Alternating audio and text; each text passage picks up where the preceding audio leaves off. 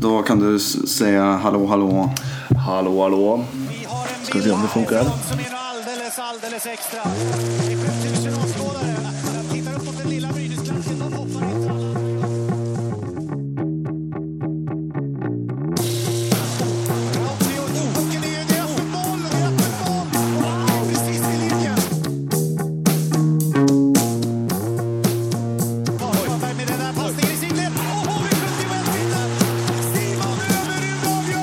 Välkomna till situationsrummet avsnitt 5 av SHL-podden som görs på hockeysverige.se och på svenskafans.com med mig Måns Karlsson från Hockeysverige och med mig har jag som vanligt Viktor Ahlner från Svenska fans. Jajamän.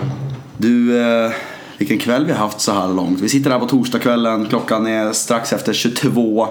Vi sitter i ett Gävle som passande nog idag stormar rejält får man säga. Ja, det stormar både utanför och i Gavlerinken. Ja. Eh, Jag tror vi båda känner oss lite tagna av kvällens resultat faktiskt. Ja, det, det, vi, vi hade tänkt att inte prata eh, Brynäs då. Det har blivit väldigt mycket Brynäs så här långt eh, av olika anledningar. Idag hade vi tänkt att nej, men idag blir det Brynäs fritt. Men de ger oss inte så mycket val. Det är lite som Rögle var här i början av säsongen.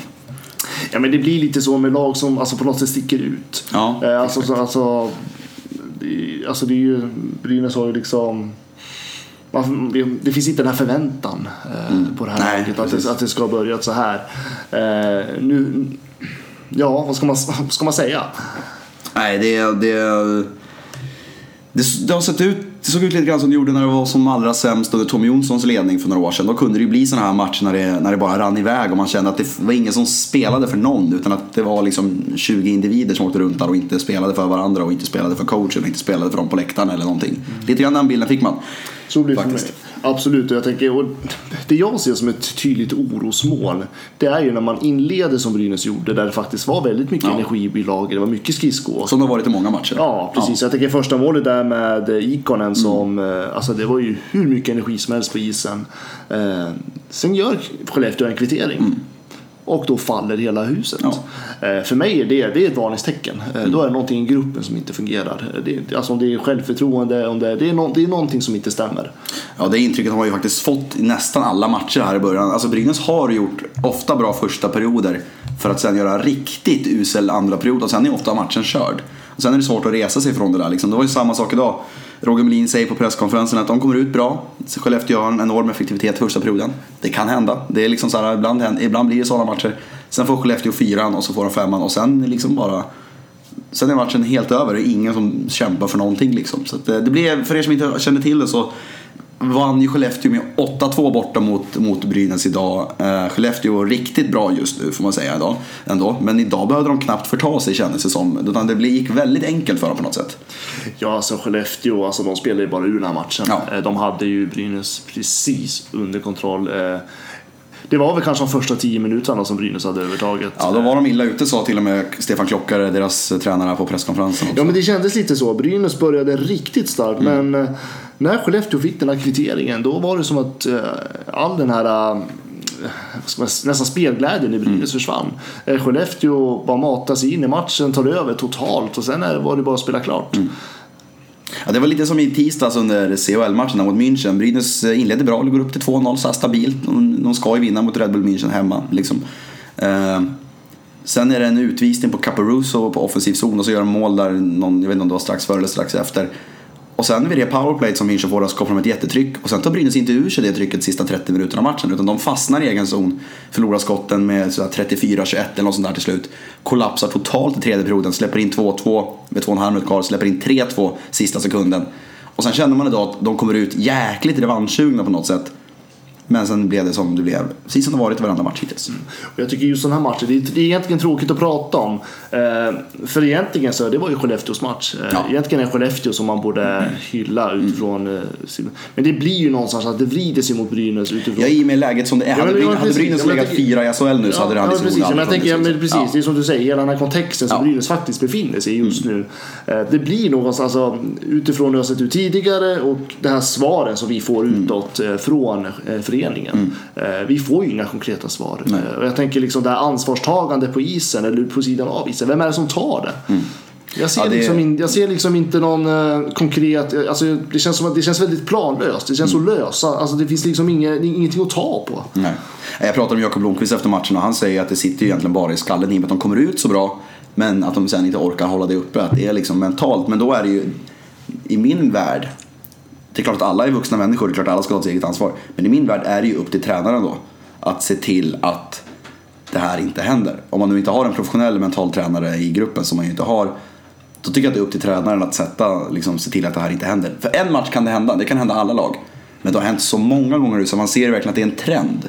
Och det är det som är, som du säger, det är det som gör att man blir orolig för Brynäs del. För att det har hänt flera gånger förr liksom. Och att de kommer ut så starkt framförallt.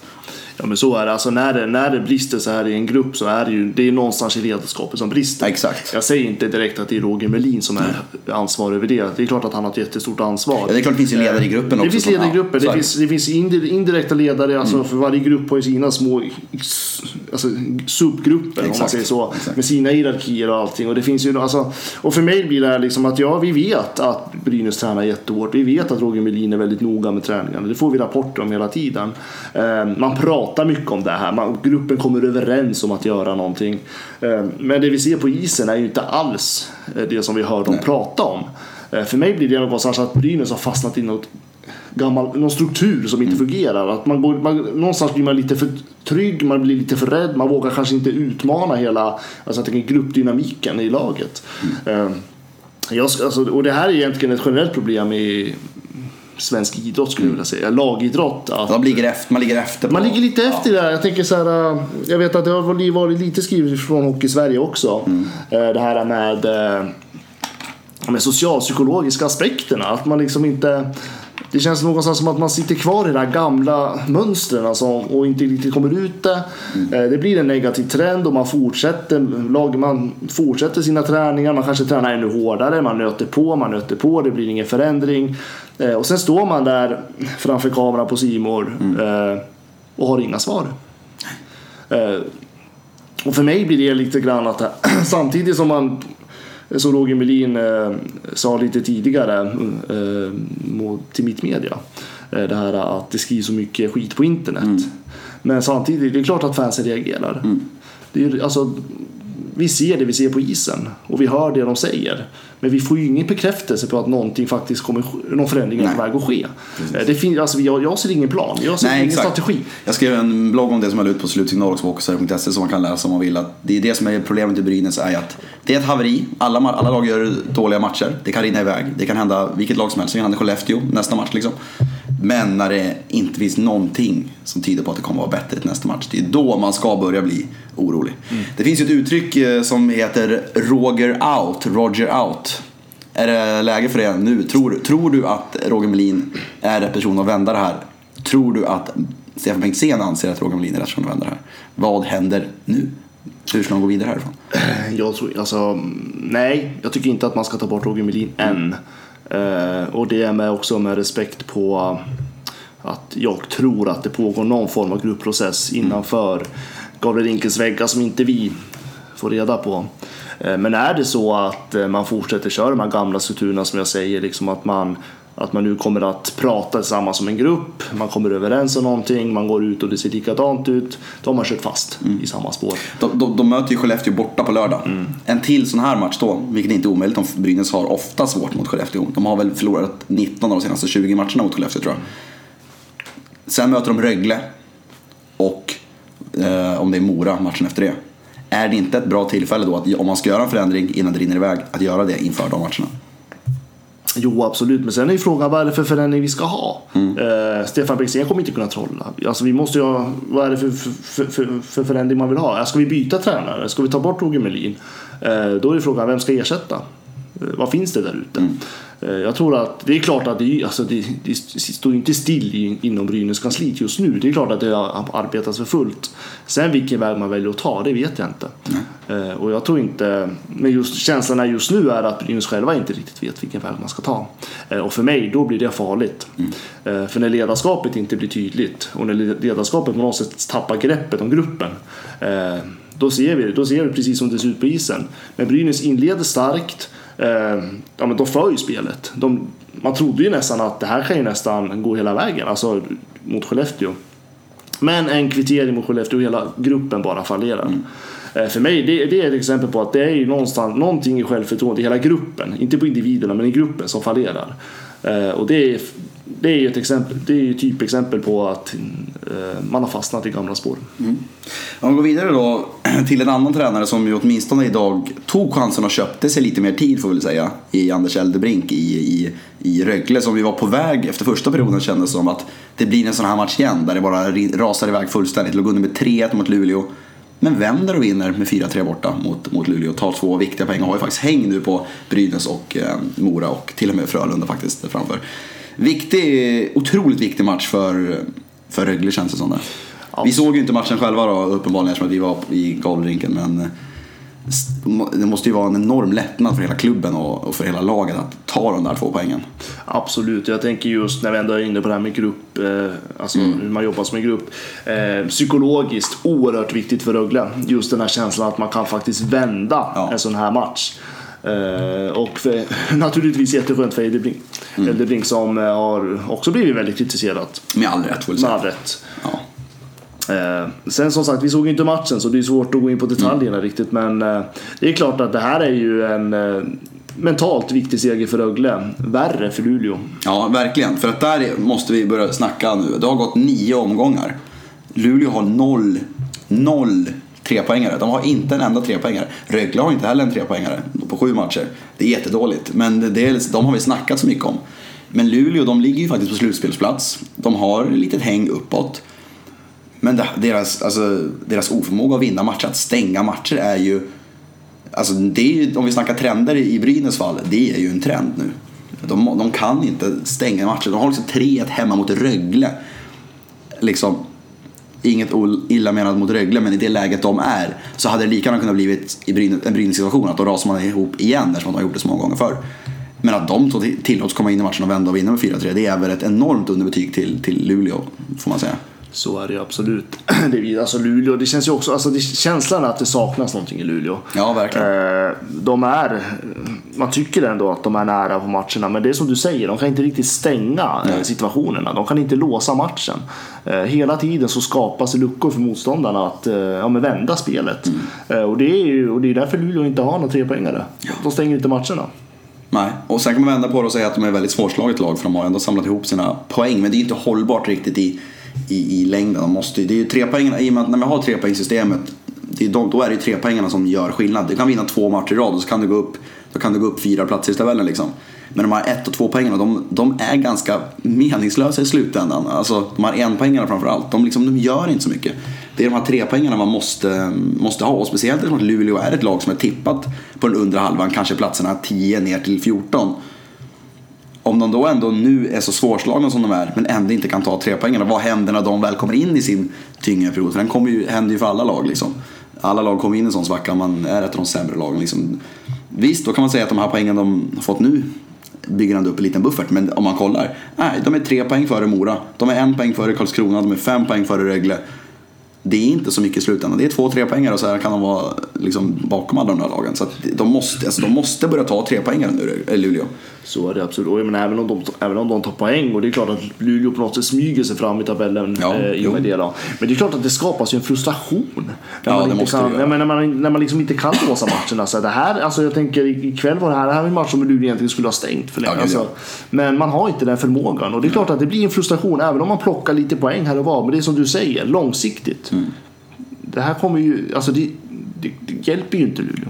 Nej, det är som vi var inne på förra veckans podd med, med värvningen av Robin Kovacs. Att det är ju en bra värvning, men det är inte tillräckligt bra. För det de behöver är de här spelarna som går in och stänger matcherna.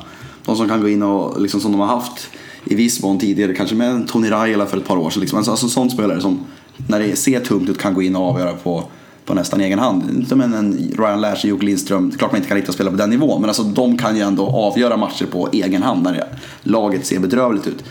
Och sagt, man kan inte lita på Einar Emanuelsson varje match när han ska kliva fram. Det är, de kraven kan man inte ställa på en spelare som egentligen gör sin första riktiga säsong som etablerad. Liksom. Så att det, de, jag förutsätter att Luleå fortfarande är ute på spelarjakt. Att de är ute efter någonting lite bättre. För det är ett trubbigt lag. Och det är liksom... Det är, de är precis så osexiga som man trodde de skulle vara på förhand. Liksom. Ett habilt lag, ett hårt jobbande lag men utan den här riktiga spetsen. Liksom. Jag håller med. Samtidigt så tycker jag eh, på något sätt så hade jag nästan lite på känn att eh, det här var en match som faktiskt kunde gå Rögles Ja, det sa du faktiskt mig före nedsläpp till och med. Mm. Att eh, du trodde på Rögle seger idag. Jo men det, jag hade lite magkänsla. Alltså, Rögle är ju också, de är också, vill ju också vända de här trenderna. Och, eh, Är det något lag som man faktiskt har en chans att vända, det är ju mot Luleå just, just utifrån att Luleå inte kan stänga matcherna. Nej, exakt.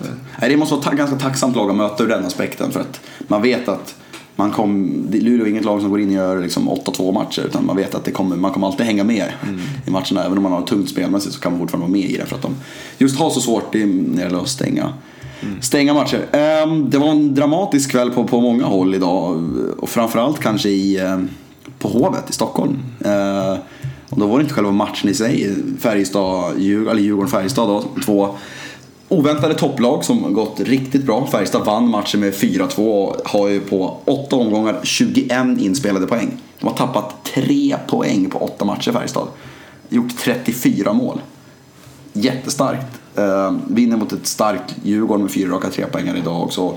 Eh, har en liten, liten lucka till och med nu i tabelltoppen. Men stora händelsen där var ju såklart hyllningen av Niklas Falk som ju blev Ja, det blev, det blev en märklig upplevelse. Eh, får man säga. Ja, han föll ju han föll ner på isen där Ja. eh, under sitt eh, tacktal. Ja, exakt. Tror jag att det var. Eh, där han, ja, han svimmade Ja, helt enkelt. Men han tog sig upp på benen igen och eh, Ja, levererade en one-liner Ja, men han gjorde ju lite det det. Skulle bli en, det här var ju en YouTube-grej liksom. En Youtube-grej, Ja. precis. Eh, och sådär. Men det var, alltså, det var klart att det var väl ganska oroligt Ja, jag, eh. jag, jag såg ceremonin utan ljud på, på skärmen eh, eftersom att det pågick en match samtidigt då, i Gavlerinken där. Och det var jäkligt otäckt när man helt plötsligt tittar ner och så ser man att det ligger en person där och att det är liksom fullt med sjukvårdare på, på, på plats. Eller fullt med sjukvårdare, ska jag inte överdriva så, men att det är folk som är där på plats direkt och kollar liksom pulsen, kollar andas och så vidare. Det var jäkligt, jäkligt obehagligt måste jag säga. Och sen just när, eh, efteråt med intervjun med Wikegård också, att han faller ner där också. Exakt. Eh, det är klart att man, tankarna förde ju hur är hans hälsa egentligen. Ja. Eh, sen, för, alltså, sen det är klart att eh, just en sån situation, det är ju väldigt speciellt. Mm. Eh, och jag tänker också utifrån hur han har haft i Södertälje. Exakt. I deras situation. man ska inte alltså. underskatta det. Han fick liksom ta över som huvudtränare i Hockey-Sveriges största krisklubb just nu, Södertälje. Ta över som huvudtränare för bara ett par dagar sedan. Han vann ju sin första match, men det har ju varit en ganska turbulent säsongstart. Han har ju varit assisterande tränare där under hela säsongen, så han har ju varit med om hela den här enorma kräftgången och all turbulens som varit i klubben. Och sen får han då det här, ska stå och prata inför 7000 personer. Eh, plus alla tv-tittare. Han vet om att alla blickar är på honom. Kanske har varit spänd hela dagen. Jag vet själv hur det kan vara när man verkligen får sån här spänningshuvudvärk som man känner att man ska liksom svimma. Liksom. Nu verkar det som att det var någon blodtrycksfall, blodsockerfall för honom och att det ska gå bra. Men det blir ju jäkligt obehagligt när det händer två gånger dessutom på bara några minuter. Det blir det och det är ju det är ju väldigt lätt att man spekulerar när det Ja. händer något sånt där. Men eh, all respekt för hans hälsa så är det ju fantastiskt att det går bra. Ja, exakt. Men det som var så märkligt var ju att han, så fort han reste sig, då var han liksom pigg och klar direkt och bara körde på. Drog en one-line och skämtade om det. Kommer till Vikagård, Vikagård frågar hur är läget? Äh, just nu är det skitbra. Liksom, så börjar han intervjun. Pratar liksom, äh, det här är det största jag varit med om, det här är större än SM-guld, det här är större än VM-guld. Och sen bara mitt i ett svar så här, ser man liksom hur blicken bara totalt försvinner. Och att eh, ja, det är obehagligt faktiskt. Nej, men han fick ju korta ner sitt tal ganska rejält. Ja, det fick han. Eh, Han tog ju, som han berättade för Wikegård, Ja, exakt. mycket som han ville ta med som han ja, inte gjorde då. Exakt. Så jag tror att någonstans tror jag att han kände att det är inte okej Nej. det som är. Eh, Nej. Så att, eh, nej men eh, skönt i alla fall att han klarade sig. Ja, jag hoppas att det blir bra med honom. eh, Och det känns också som att om man, om man ska, nu bara ska tänka hockeymässigt så för Södertäljes skull också såklart. eh, När de faktiskt vann en match här igår med, med, med Falk som huvudtränare att det, det löser sig på det sättet också. Absolut. Eh, Vi går vidare med, med kvällens matcher. Eh, För att det är ett lag som vi inte har pratat om. Som vi måste börja prata om nu, tycker jag, är Örebro. Eh, De har ju varit, de var ju under sommaren och liksom mellan den här säsongen och förra säsongen den stora krisklubben. Det var liksom mer eller mindre en makt, maktkamp i föreningen. Det var folk som inte fick ekonomisk ansvarsfrihet och det har varit, de har ju en väldigt svag trupp på pappret får man säga och enorma ekonomiska problem. Det här laget de hade för um, två, tre år sedan när de verkligen var på gång att kunna bli ett topplag. Man kan känna nästan lite så här Linköping-vibbar när de kom upp.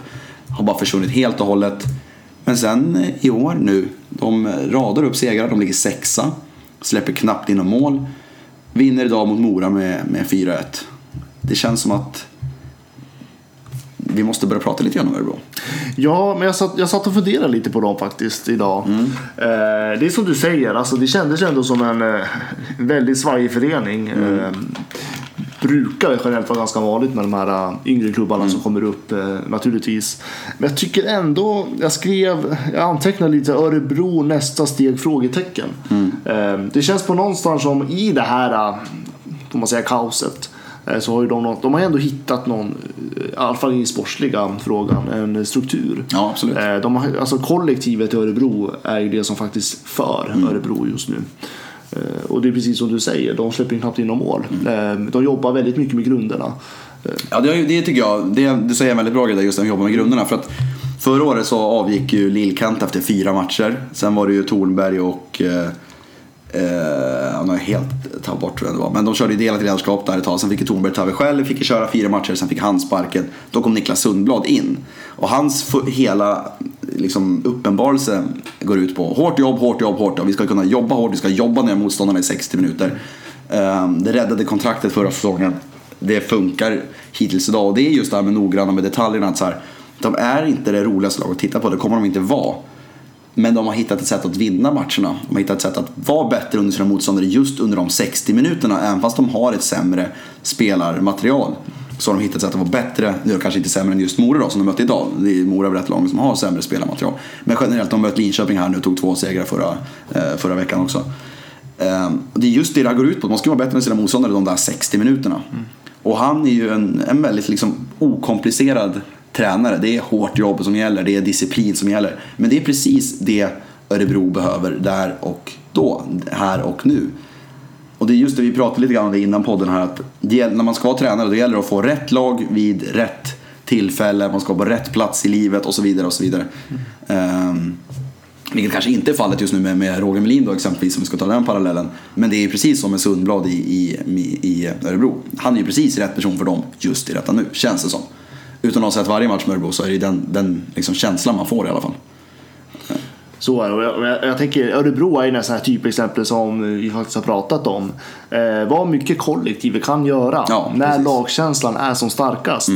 Eh, jag tycker det symboliserar Öre- Örebro eh, och många andra, många andra lag också naturligtvis. Men just det här, för Örebro har ju inga, alltså de har ju ingen den här offensiva spetsen som många Nej. andra lag har. Eh, de har väldigt brett kollektiv som producerar och, och liksom eh, och det är ju mycket på det här att det är ju, alltså det är ju stabilitet i hela positionsformationerna så att säga. Så är det ju och sen, sen har de ju haft tur med en väldigt bra målvakt också. Absolut. Eller tur och tur, det är ju bra värvning, det visste man att det skulle vara. Ja, ja, ja absolut. Eh, och han har ju fått mycket, mycket hjälp tänker jag också. Ja, Han har ju mängder med mycket defensiva, duktiga, skickliga backar. Exakt. Eh, Jag tänker Linus Arnesson, Alexander Hellström. Mm. Båda de två tar ju mycket, mycket, mycket speltid. Stor, stort ansvar. Sen finns också Viktor Ekbom som också tar mycket... Mm. Ja, han, är väl, han är väl den stora ledaren. Han är stora ledaren eh, och som, som också producerar lite framåt. Inte jättemycket Mm. Nej. men han producerar ju ändå. Liksom. Han är väl den... Om man tänker bland backarna som tar mycket ansvar. Jag tror Mm. att han, ja, 19 minuter per match snittar han. eh, Och, jag tycker Örebro har en ganska jämnhet. Tittar man på hur mycket speltid alla spelare får. Det är en väldigt tydlig jämnhet med forwards och backar. Eh, Och titta, ja, det finns någon harmoni i den här strukturen. Och det tror jag är väldigt tydligt också med Sundblad. Att i och med att han är så mycket för hårt jobb. Så tror jag han gärna sprider ut istiden på alla spelare för att man ska orka jobba. De där 19 minuterna man spelar, eller om det är 13 minuter, då ska man fasen orka jobba 19 minuter eller 13 minuter stenhårt. Om man spelar 23 minuter och fyra av de minuterna är halvdana, då funkar inte det i Niklas Sundblads spel. Utan då ska man, man ska vara där och då ska man vara där fullt ut varenda byte, varenda sekund man är på isen. Så det tror jag är ett, ett eh, aktivt val från hans sida. Samtidigt såklart som du säger, som det som du är inne på, att de har ju inte den här tydliga spetsen. De har ju ingen att lita sig på som ska gå in och, och stänga matchen åt dem som ska spela 23 minuter. Liksom. De har- De har ju inte de spelarna heller, så det är klart att han får lite gratis där också. Men det gäller att maxa spelarmaterialet och det, det får man ju säga att Örebro gör så här långt. Ja, men han matchar ju grupperna hårt tänker jag. Alltså, Mm. det är ju, alltså, Örebro består ju en mängd grovjobbare. Ja. Eh, De sliter och de kör. Och, och för att orka, precis som du säger, då måste man matcha hårt. Mm. Eh, Det kan inte vara något fåtal som sticker på upp i 30 Nej, minuter. exakt. Utan det ska vara hela gruppen som ungefär liknande, liknande speltid. Liksom. Mm. Eh, Och det gör Örebro klockrent. Men Men det var ju lite rubriker kring, kring Örebro i lördags var det väl när Johan Thornberg satt i simor studion och berättade lite inside från Örebro från förra säsongen. Eh, eller de säsongerna han har varit där. Han, han kritiserade ju väldigt hårt en sån som Jakub Petracalek som var en stor värvning när han kom. En tjeckisk storstjärna liksom på europeisk nivå. Han kritiserade Justin Hodgman och eh, Mikko Lehtinen också att de liksom inte platsade. De har liksom flera miljoner i, eller en dryg miljon i månadslön på bänken liksom för att de platsade inte. Eh, han kritiserade Julius Hudacek eh, som ju var seriens bästa spelare för ett par år sedan men att han var extremt, som han beskrev det, LAT. Han beskrev med tre bokstäver. Att det, han ville knappt träna, han hade med sig en, en te, en termos med te som han satt och sippade i under träningarna. Liksom. Spelarna vill inte skjuta på honom. Nej, exakt. De ville ha en som tävlade på träningarna. Liksom. Ehm, Den, den grejen känns som att det är som bortblåst. eh, Om vi börjar där. Att, att eh, det tillåts inte att vara det längre. Lat och att eh, stjärnorna får inte sitta på bänken liksom. Utan passar man, pa- passar man inte så ryker man det liksom. Ehm, Ja, i Örebro är det ju så Ja, nu. precis. Eh, sen vet jag inte hur det ser ut i andra lag. Nej, exakt. Men om vi, om vi just Örebro. Absolut. Eh, Nej, Örebro, alltså jag tänker det är helt annorlunda i Örebro Ja. just nu. Eh, och, eh, och jag tänker det krävs om man ska få ett sånt här kollektiv att fungera. Mm. Det, det, det, det får inte vara någon, eh, någon stjärna som sticker ut eller Mm. som ska eh, hanteras annorlunda. Utan det är att det är de här reglerna som gäller. Det är all, allihopa måste köpa det här, annars funkar det inte. Nej. Eh, jag tänker, alltså, för, för, min, alltså, för mig är det sy- symbolik för tydlig ledarskap. Ja, då, han var ju mm, inne på det också här med sportchefen Pontus Gustafsson att han när, om man diskuterade att ta bort Hudacek i match så var det liksom, nej men det är han som säljer våra biljetter, det är han som ser att folk kommer matchen. Han kör sin Huda-show.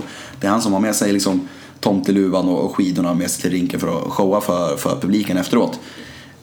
Om vi börjar i diskussionen, det finns egentligen två takes på det här och vi börjar med diskussionen kan en sportchef uttala sig, kan, alltså kan, kan Johan Gustafsson, eller Pontus Gustafsson säga som han gör där? Eller ska han släppa det där och helt lämna över till tränarna? Eller tycker du att han har en poäng i att han säger men det är ju han som säljer biljetterna? Jag tänker att det där sker i varje lag. Okej. Jag tänker att eh, det, finns, det finns spelare som har lite dyrare kontrakt eh, som in, egentligen inte går att bänka. Eh, precis som Tommy var inne på, det sitter miljoner på bänken. Klubben har inte råd med det. Eh, jag tycker att vi ser det om man verkligen analyserar lagen eh, väldigt djupgående. Att det finns vissa spelare som även om de har dålig dag så får de spela. Eh, så att jag tror att det är väldigt, att det sker ganska ofta, mer än vad vi anar. Eh, att, eh, vad ska man säga, de, den högre sessionen eh, i klubbarna ger direktiv till tränaren. Att så här är det. Ska det få vara så då? Nej, Nej. jag tycker inte om det. Eh, Jag vet det finns till och med spelare som är, eh, jag tycker särskilt bland forwards, att den här, spel, den här killen ska bara spela center och han ska spela varje match. Eh, Det är ingen snack om den saken. Tränaren får inte ens byta, alltså så att ytterforward eller något liknande. Eh, Jag, jag tycker att, eh, men det, det samtidigt, det är ju så det funkar. Alltså, de måste sälja biljetter. Eh, Det finns många sponsorer eh, som, som gärna ser vissa typer av spel. Alltså, det är, alltså, hockeyn är så kommer, kommersiell just nu att eh, hur mycket vi än vill ha det här gamla liksom, jag menar alltså det är de här peak, alltså, om man tänker, det är den pikaste spelaren för dagen som ska spela. Eh, man vill gärna tänka så men jag tror inte att det är så. Nej. Jag tror att tränarna idag, i dagens hockey är mer styrda uppifrån än vad vi tror. Men om vi då tar den andra taken på det då. Gör Johan Thornberg, som fick sparken från Örebro förra året, får han sitta i simor studion där jag jobbar nu och säga de här grejerna? Jag kan ju känna så här. Både ja och nej säger jag. Ja, för jag kan känna när han var i Örebro, då var han i Örebro. Nu är han i Simor, då är han i Simor. När han var i Örebro, det var ju ingen av spelarna som gick med på premissen att ah, men nästa år kanske han sitter i Simor och berättar om det här. Jag tycker att han får gärna säga saker som pågår i föreningar. Det är klart han ska kunna ge inside information. Men när det är så här tätt inpå, när han pratar om folk som fortfarande är i klubben eller var där förra säsongen, så tycker jag att det sänder fel signaler att han sitter och, och hänger ut spelare, spelare och personer i klubben med namn på det sättet. För att de har inte gått med på att han går ut och berättar de här grejerna inför alla strax efter att det har hänt. Jag tycker att om man jobbar i en klubb, då är man lojal för den klubben. Då tycker jag man är det, åtminstone sagt, man kanske inte behöver gå in på namn, specifika namn på det sättet eller låta det gå en viss tid åtminstone. För jag tycker att eh, jag tycker någonstans att man sviker en eh, före detta arbetsgivare när man går ut och sådär. Du håller inte med? Jo, jag håller med. Ja. Eh, som sagt, både ja och nej på den frågan. Eh, absolut så tycker jag på nå- någonstans, eh, precis som jag tänker i alla arbetsplatser, att det finns ju någon moralisk sekretess Ja. inblandat i det. Precis. Liksom. Man har ju ändå, alltså, någonstans måste man ändå visa lite respekt för sina tidigare arbetsgivare och kollegor och Mm. sådär. Jag tycker, jag tycker det är fel att han går ut med namn på det sätt han gjorde. Eh, både gäller Hudacek och eh, ja, övriga egentligen. Däremot så tycker jag att det är bra att han lyfter upp det problemet. Just det här jag var inne på. Liksom. Men det kan jag hålla med om. Ja, hur, hur, fri, alltså hur fri är en tränare egentligen när han formaterar formationerna? Eh, sen det är klart, sånt där ser väl olika ut beroende på vilken klubb han är i. Men just det här när man pekar ut en enskild spelare, en enskild individ eller en enskild, alltså det för mig i, live i, framför TV, det tycker jag att nej, det är övertramp. Ja, för som sagt, det känns som att eh, de gick ju inte med på de premisserna att ah, nästa år kanske han sitter i SHL-studio. Liksom. Det, Nej, att, och vem vet, om några år så kanske han står som tränare igen. exakt. Ja, det är väl ganska troligt till och med. Kanske inte i SHL, men åtminstone i Hockeyallsvenskan eller att han får en assisterande roll och sådär, för det funkar ju ändå. Nej, man, man ska ha eh, respekt för, för sina män, medmänniskor och eh, samtidigt så måste man, man ska vara lite eftertänksam innan man säger något uttalande och sånt. Ja, det, det, jag fattar varför det blir rubriker. Sen kan jag känna att det är skönt såklart att höra från någon som kan ge inside information, som är, som, som är så nära liksom. Alltså han var ändå huvudtränare i SHL förra säsongen. Det är klart att det är skönt och kul att, att höra det. Men när man, när man hänger, det känns som att han hänger ut dem. Det blir nästan så att det låter som att han är lite bitter. Nästan. Alltså så här, men jag jag, tycker- ville göra de här förändringarna men jag fick inte för honom. Lite grann Men så. alltså, jag tycker det är inte schysst mot jag tänker Örebro-fans alltså, Örebro heller. Alltså, man vill inte höra sånt där om sin klubb. Eh, samtidigt det är klart att såna där, det är klart man måste diskutera sånt Mm. där. För det är, jag tror att så, liknande pågår i varje förening. Mm. Och jag tycker att vi måste lyfta den frågan. Men då ska man lyfta det på ett sätt där man faktiskt inte bara pekar ut enskilda individer. Utan man måste ju titta på hela alltså, pro- problematiken som en helhet. Eh, Vart befinner sig svensk hockey idag om en tränare inte kan, eh, pågår säkert andra ligor också, men när en tränare inte kan om man tänker använda sin fulla potential till hur man faktiskt vill bygga sitt lag. Utifrån att det finns krafter högre upp som styr med hela handen och säger så här måste du göra för annars blir det fel. Mm. jag tycker att om man anställer en tränare, om man som sportchef anställer en tränare så är, anställer man inte en tränare för att man att det är den personen som kan göra bäst jobb och ta ut laget och se sitt lag och vinna matcher. Och då tycker jag man ska hålla sig sina tassar borta för just på den biten. Sen tycker jag att det är bra att sportcheferna är nära laget. Jag gillar när sportchefer följer med på bortaresor, hänger med, går ner i omklädningsrummet i pausen, ger en klapp på axeln om det är fan vad bra eller ger en klapp på axeln och säger men nästa period då, då tar de liksom. Den delen gillar jag. Där tycker jag svensk hockey, jag vet att det är många sportchefer som, som verkligen gör det och, och, så här, och det gillar jag. Men lägg det inte i själva du, du bygger laget och du anställer den tränaren som du tror förvaltar det bäst. Så tycker jag man kan uttrycka det. Ja, alltså det är så man vill att det ska funka i alla fall. Exakt. Eh, Vi går vidare till en annan match i, idag som var väldigt intressant på förhand. Eh, De två senaste årens svenska mästare, Frölunda och HV71. Tillika två lag där många spelare har gått mellan klubbarna. Romy Figren, Elias Andersson, Adam Almqvist för att dra några exempel. Frölunda förlorar där hemma med 3-1 mot HV. HV som hade ett par raka förluster här och en CHL-förlust också. Frölunda har på sju matcher tagit nio poäng. De är två poäng före Brynäs, visserligen med matchen match mindre spelad, men två poäng före Brynäs som ju hela tiden lyfts fram som det stora krislaget. Vi har ju varit, inte pratat så mycket om dem och det har ju nästan varit ett aktivt val för vi har varit så icke oroliga för dem någonstans. Och det är ju bara att kolla liksom potentialen, truppen, potentialen de har i båset. Alltså, det är ju kvalitet från högsta till lägsta liksom i hela klubben. Men någonstans måste man väl börja ställa krav på Frölunda också nu. Jo, men det Det kan, de kan inte lita bara på att Ryan Lash ska göra det för dem liksom. Nej, och det är, det är lite som du säger. Alltså, Frölunda har ju någonstans gått under radarn lite grann. Jag tror att någonstans som, alltså, jag tror de flesta tänker liksom, nej men det löser sig. Eh, Jag tror Frölunda själv också har gått i de tankarna. Nej, men det här löser sig. Alltså Ja. spelarmaterialet eh, och eh, den ledare som faktiskt finns i Frölunda som brukar, eh, som alltid har varit löst sina situationer. Eh, har man ändå tänkt någonstans att Frölunda befinner sig ändå i en trygghet. Men det är som du säger, alltså tittar man, det är ju det är inte många spelare som sticker ut bortsett från Ryan Lash Nej, just nu. exakt. Och han är ju å andra sidan jäkligt bra. Men han kan inte, Ja. han kan inte avgöra 52 matcher för dem. Liksom. De behöver ju leverans från fler. Nej, alltså han kan ju inte dra hela lasset Nej. känner jag spontant. Och om, man, om man tittar vilka övriga spelare de finns, speciellt på forwardsidan, så kan man verkligen ställa krav. Han ska inte behöva göra det. Alltså det finns ju så mycket kvalitet. Det är klart man inte kan kräva att Elias Andersson och Carl Grundström kommer tillbaka från Nordamerika och briljerar direkt med tanke på att liksom, de varit iväg på NHL-camper och så vidare.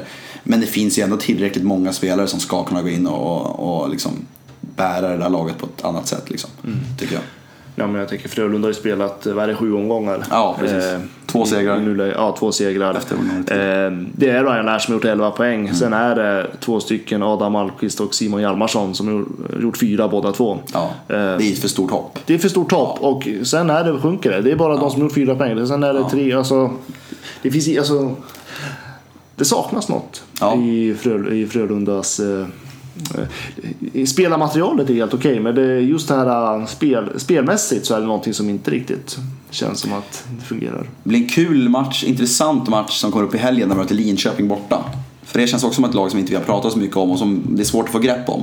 Eh, de har 12 poäng på 9 matcher i Linköping och ligger ju med på sjunde plats just nu.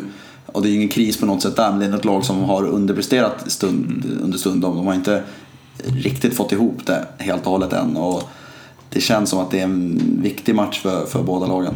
Eh, Så är det. Och de vann ju ändå med 4-1 mot Malmö idag. Ja, precis.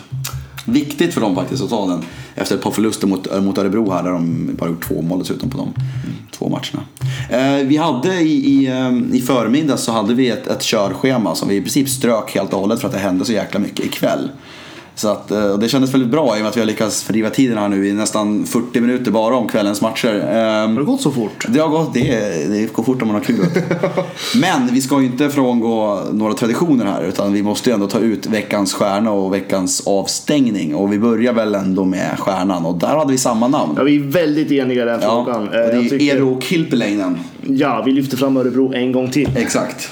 Med all rätt får man säga.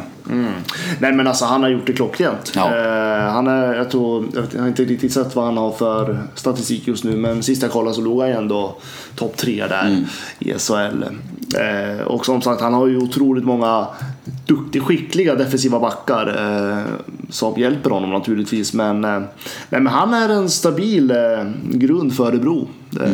Det är alltid tryggt att lita på sin målvakt och jag tror att han också är en stor anledning till att det går så bra för Örebro. Ja, det, det tror jag med. Och de har ju alltid haft, liksom, de hade ju för ett par år sedan så var det ju Julius Hudacek som var den spelaren. Eh, men om de nu vittnar om en helt annan karaktär på den här målvakten också så kanske han sätter standarden för resten av laget på ett annat sätt än vad Hudacek gjorde. För som sagt, de ville inte ens träna mot honom eh, för att de ville ha en målvakt som, som hade gjort lite motstånd. Och Eero Kilpeläinen är ju en rutinerad målvakt men ändå en doldis. Var finska ligans bästa målvakt förra året här och spinner vidare på det nu och känns som att han verkligen spelar för någonting. Han liksom, till skillnad från, från Hudacek då, som kunde vara väldigt nonchalant liksom. Så det är väl bara att gratulera Örebro till en värvning som vi måste lyfta fram som en av SHLs bästa va, får vi säga. Om man baserat på den här Tillfället i Ja, exakt. Ja, är han det. Det, känns så. så att, ehm, ja, men det, det är kul. Och vi eh, måste ju lyfta fram också då, eh, på tal om Örebro, det gjorde vi inte tidigare, Joakim Andersson. Som eh, inte gjorde en enda match förra säsongen eh, på grund av skador. Jag spelar premiären nu, går sönder. Är borta ett par veckor, snack om att karriären är över. Kommer tillbaka idag, gör ett mål och två assist. Får en leverans från en sån kille också. Som har harvat i NHL, eller harvat i NHL, lät fel. Harvat i fjärde kedjan i NHL skulle jag säga. Eh, Ja, han är, alltså, han är ingen, ut, alltså, han är ingen uttalad poänggörare. Exakt, Det är och det är väl inte den rollen man kan kräva att han ska ha heller egentligen. Men om han kan gå in och liksom sätta tonen någonstans med all den erfarenhet han har så får ju Örebro ännu ett liksom plus. Bara där tycker jag. Ja, Men jag tycker för, alltså, nu spekulerar jag bara, men jag tycker fördelen kring när man spelar som Örebro, när man verkligen bygger hela sitt spel på hela kollektivet, det gör ju också att alla spelare hamnar ju någonstans i en position i truppen där man faktiskt får möjlighet. Ja men exakt så är För det. det, för det blir ju någonstans, Örebro lever ju på att alla producerar. Precis. Eh, Det är inte bara enskilda spelare som ska vara den här spetsen som går in och avgör, Mm. utan det här bygger på att alla måste göra sitt jobb. Eh, Jag tänker att det skapar en förutsättning Mm. eh, för även de här spelarna som kanske inte är traditionellt poänggör, poängmässigt görare. Mm. Men de får sin chans. Det är väl lite, ingen parallell i övrigt, men HV byggde sitt lag väldigt mycket så förra året också. Det är klart att de hade vissa spetsspelare i Mattias Tedenby exempelvis och sådär. Men, eller um, Martin Törnberg. Men de byggde ändå väldigt mycket på att det ska vara, de hade i princip 14-15 jämnbra forwards. De hade i princip 8-9 jämnbra backar. Så man hade liksom klassspelare som var på läktaren. De hade ju många skador dessutom HV med, under slutspelet med Christensen och Abbott och Line och sådär. Och det märktes inte ens. För att de hade ändå fyra precis lika bra kedjor. Och det var ju segerreceptet då. Så det kan, förut har det varit att laget med bäst spets vinner, där Skellefteå var som bäst exempelvis. Då hade ju två kedjor som gjorde precis vad de ville och sen kunde de egentligen kasta in dig och mig i övriga tiden för att de hade ändå liksom vunnit matchen. Lite grann så var det ju. När de hade liksom Lindström, Belmär, Holloway, Möller och så vidare. Um, Oskar Lindberg och Martin Lund, alltså de hade ju hur många som helst. Eh, Så det kanske är det som är framgångsreceptet just Ja, jag, nu tänkte, jag tänkte fråga dig, tror du att det är liksom den, fram, alltså den typ av framtidshockey vi kommer få se? För jag vet att Linköping pratar ju väldigt också mycket om att det skulle vara mer ett kollektivt. Ja, de har ju eh, levt på sin spets under flera år men och de det har aldrig funkat, precis. liksom. Eh, Och jag tänker lika förra säsongen så gick ju, jag tänker Brynäs som ändå tog sig till final då, så gick ju Bulan fram och sa ja men det är kollektivet som ska Mm. göra jobbet. Ja, men alltså det, Kommer det, vi se mer av det? Det är lite intressant för att för två, vi kan, jag kan dra en parallell med NHL. För för två år sedan så hade ju Pittsburgh ett lag, de hade fyra kedjor som bara körde över. Alltså de bara matade sönder liksom. Lite grann som HV förra året. Medan de, medan de senaste de vann, då levde de mer på ja, men, två toppkedjor. Och i NHL ser vi snarare att det går åt det hållet att där är det storstjärnorna som gör det. Vi ser Edmonton med Conor McDavid, de har liksom ett eh, helt okej lag. Men de, nu utnämns de helt plötsligt som en Stanley Cup-utmanare. Toronto är samma sak med Matthews och Nylander liksom. Uh, så där går det nästan lite grann åt andra hållet. Men i och med att stjärnorna blir färre i SHL, i och med att de försvinner ju. Så måste man ju snarare ha ett, ett starkt kollektiv. Så jag tror att det kommer vara så under de kommande åren faktiskt. Det tror jag. Och det är därför som jag tror exempelvis, många lyfter fram Frölunda som guldfavorit. Jag sa Växjö väldigt tidigt. För jag tycker att det är de som har det mest liksom kollektivegenskaperna om man säger så. Vi lägger ju väldigt mycket fokus, eh, tycker jag också, på fjärde och tredje formationerna Mm. idag än vad vi gjorde kanske för fem, tio år sedan. Eh, nu är Jo det- men, ja, men som sagt, det är bara att ta Skellefteå som ett exempel. Eller Brynäs när de var Precis. 2012 liksom. Ja. Ja, men så jag tänker, man, alltså jag tänker man, man ser nog mer av laget som en helhet. Lite grann. Mm. Precis. Eh, men det är en int- intressant utveckling. Ja, faktiskt. Och det, det kanske är framtiden. Nej, men eh, om vi tar eh, veckans, eh, vad kallar vi det för? Avstängning. Avstängning. Ja, vad enades vi kring där? Vi snackade ju om Luleås eh, oförmåga att vinna matcher. Vi har snackat om det här med att man stänger etage på arenor och sånt där. Ja. I och med att vi redan har pratat om Luleå då, Mm. eh, så tycker jag att vi måste prata om det här med stänga etagen. Det är en publikfråga, jag vet. Det är kanske inte den roligaste frågan att prata Nej, om, men den måste Ja. diskuteras. ja, vad tycker du om det då? Du tycker att det är fel? Jag, tycker, alltså, jag, alltså, jag förstår ju varför man gör det. Mm. Eh, Men jag tycker att eh, på något sätt för mig blir det att när man stänger över etage då har man någonstans accepterat misslyckandet. Eh, Att nej men det här funkar inte, vi, vi kommer ingenstans. Vi stänger istället, vi gör det enkelt. Jag gillar inte den typen av strategi. Även om jag är helt förstående med varför man gör det. För att Ja, men som vi, du och jag som var i Garderinken ikväll. Det blir ju så tomt. Eh, särskilt i en sån stor arena. Eh, det är inte alls stämningshöjande bara för att man sänker publiken eh, närmare isen. Eh, sen förstår jag, det kanske ser bättre ut i TV. Jag vet. Ja, det gör det. det Ja. Så är det. Men alltså just det men för mig blir det någonstans att då har man, stänger man övre etagen då har man som förening nå, någonstans ändå sagt att nej men alltså vi, vi, vi nästan att man ger upp. Jag säger inte att man ger upp för det gör man ju naturligtvis inte. Men det blir någonstans att man, man godkänner sitt misslyckande. Istället för att, ja men hur ska vi göra för att faktiskt fylla övre etagen? Om man vänder på det. Ja, då veckans avstängning blir helt enkelt en avstängning av eh, läktarsektionerna då. Säga. Öppna upp dem. Öppna upp. Eh, Det är Viktor Ahlners tydliga budskap eh, i, i dagens podd. Ja, det här var det femte avsnittet av situationsrummet. Det, det, blev, en, det blev ett avsnitt idag också. Blev, vi fick ihop eh, grejer att snacka om utan något större besvär. Nu också. Även fast vi börjar ju närma oss serielunken nu. Det känns som att det har, den här intensiteten som finns i början har ju börjat trappas av lite grann. Men ikväll fick vi se väldigt mycket eh, intressant eh, faktiskt. Ja, men det var väldigt mycket negativt men också väldigt mycket positivt. Ja. Eh, men det, är som, det ska bli jätteintressant att se vad, hur det här kommer att fortlöpa. Mm. Och ni följer ju såklart som alltid ehm, de hetaste nyheterna och den bästa rapporteringen och sådär får ni ju från svenska fans och från Hockeysverige.se och sådär. Det är väldigt, liksom, vi rekommenderar verkligen att gå in där och kika dagligen för att det sprutas bara på med, med artiklar av olika slag från olika perspektiv. Det kan vara liksom som sagt eh, lagperspektiv eller det kan vara lite allt möjligt. Så det, det är bara att surfa in på de sajterna och sen eh, såklart prenumerera på situationsrummet. Och Både på Twitter och Facebook. precis, där finns vi på Ja. båda. Och sen såklart kan ni följa oss också som, som privatpersoner så att säga. Viktor Ollner och Mans Karlsson ja, heter vi på Twitter så det är bara att klicka in följ där. Det är, jag lovar att det är värt, det är värt investeringen att göra. Det är det.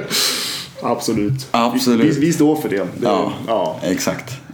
Ja men eh, det, det var väl det. Vi har väl ingenting mer vi vill, vi vill ta upp här känner jag. Riktigt. Klockan börjar bli mycket, regnet smattrar här ute så det, det kanske är tecken gott nog att eh, det är dags för oss att hålla lite tyst nu i en vecka. Det tycker jag då. Ja. Men då återkommer vi med ett nytt avsnitt nästa vecka Absolut. Tack för att ni lyssnade.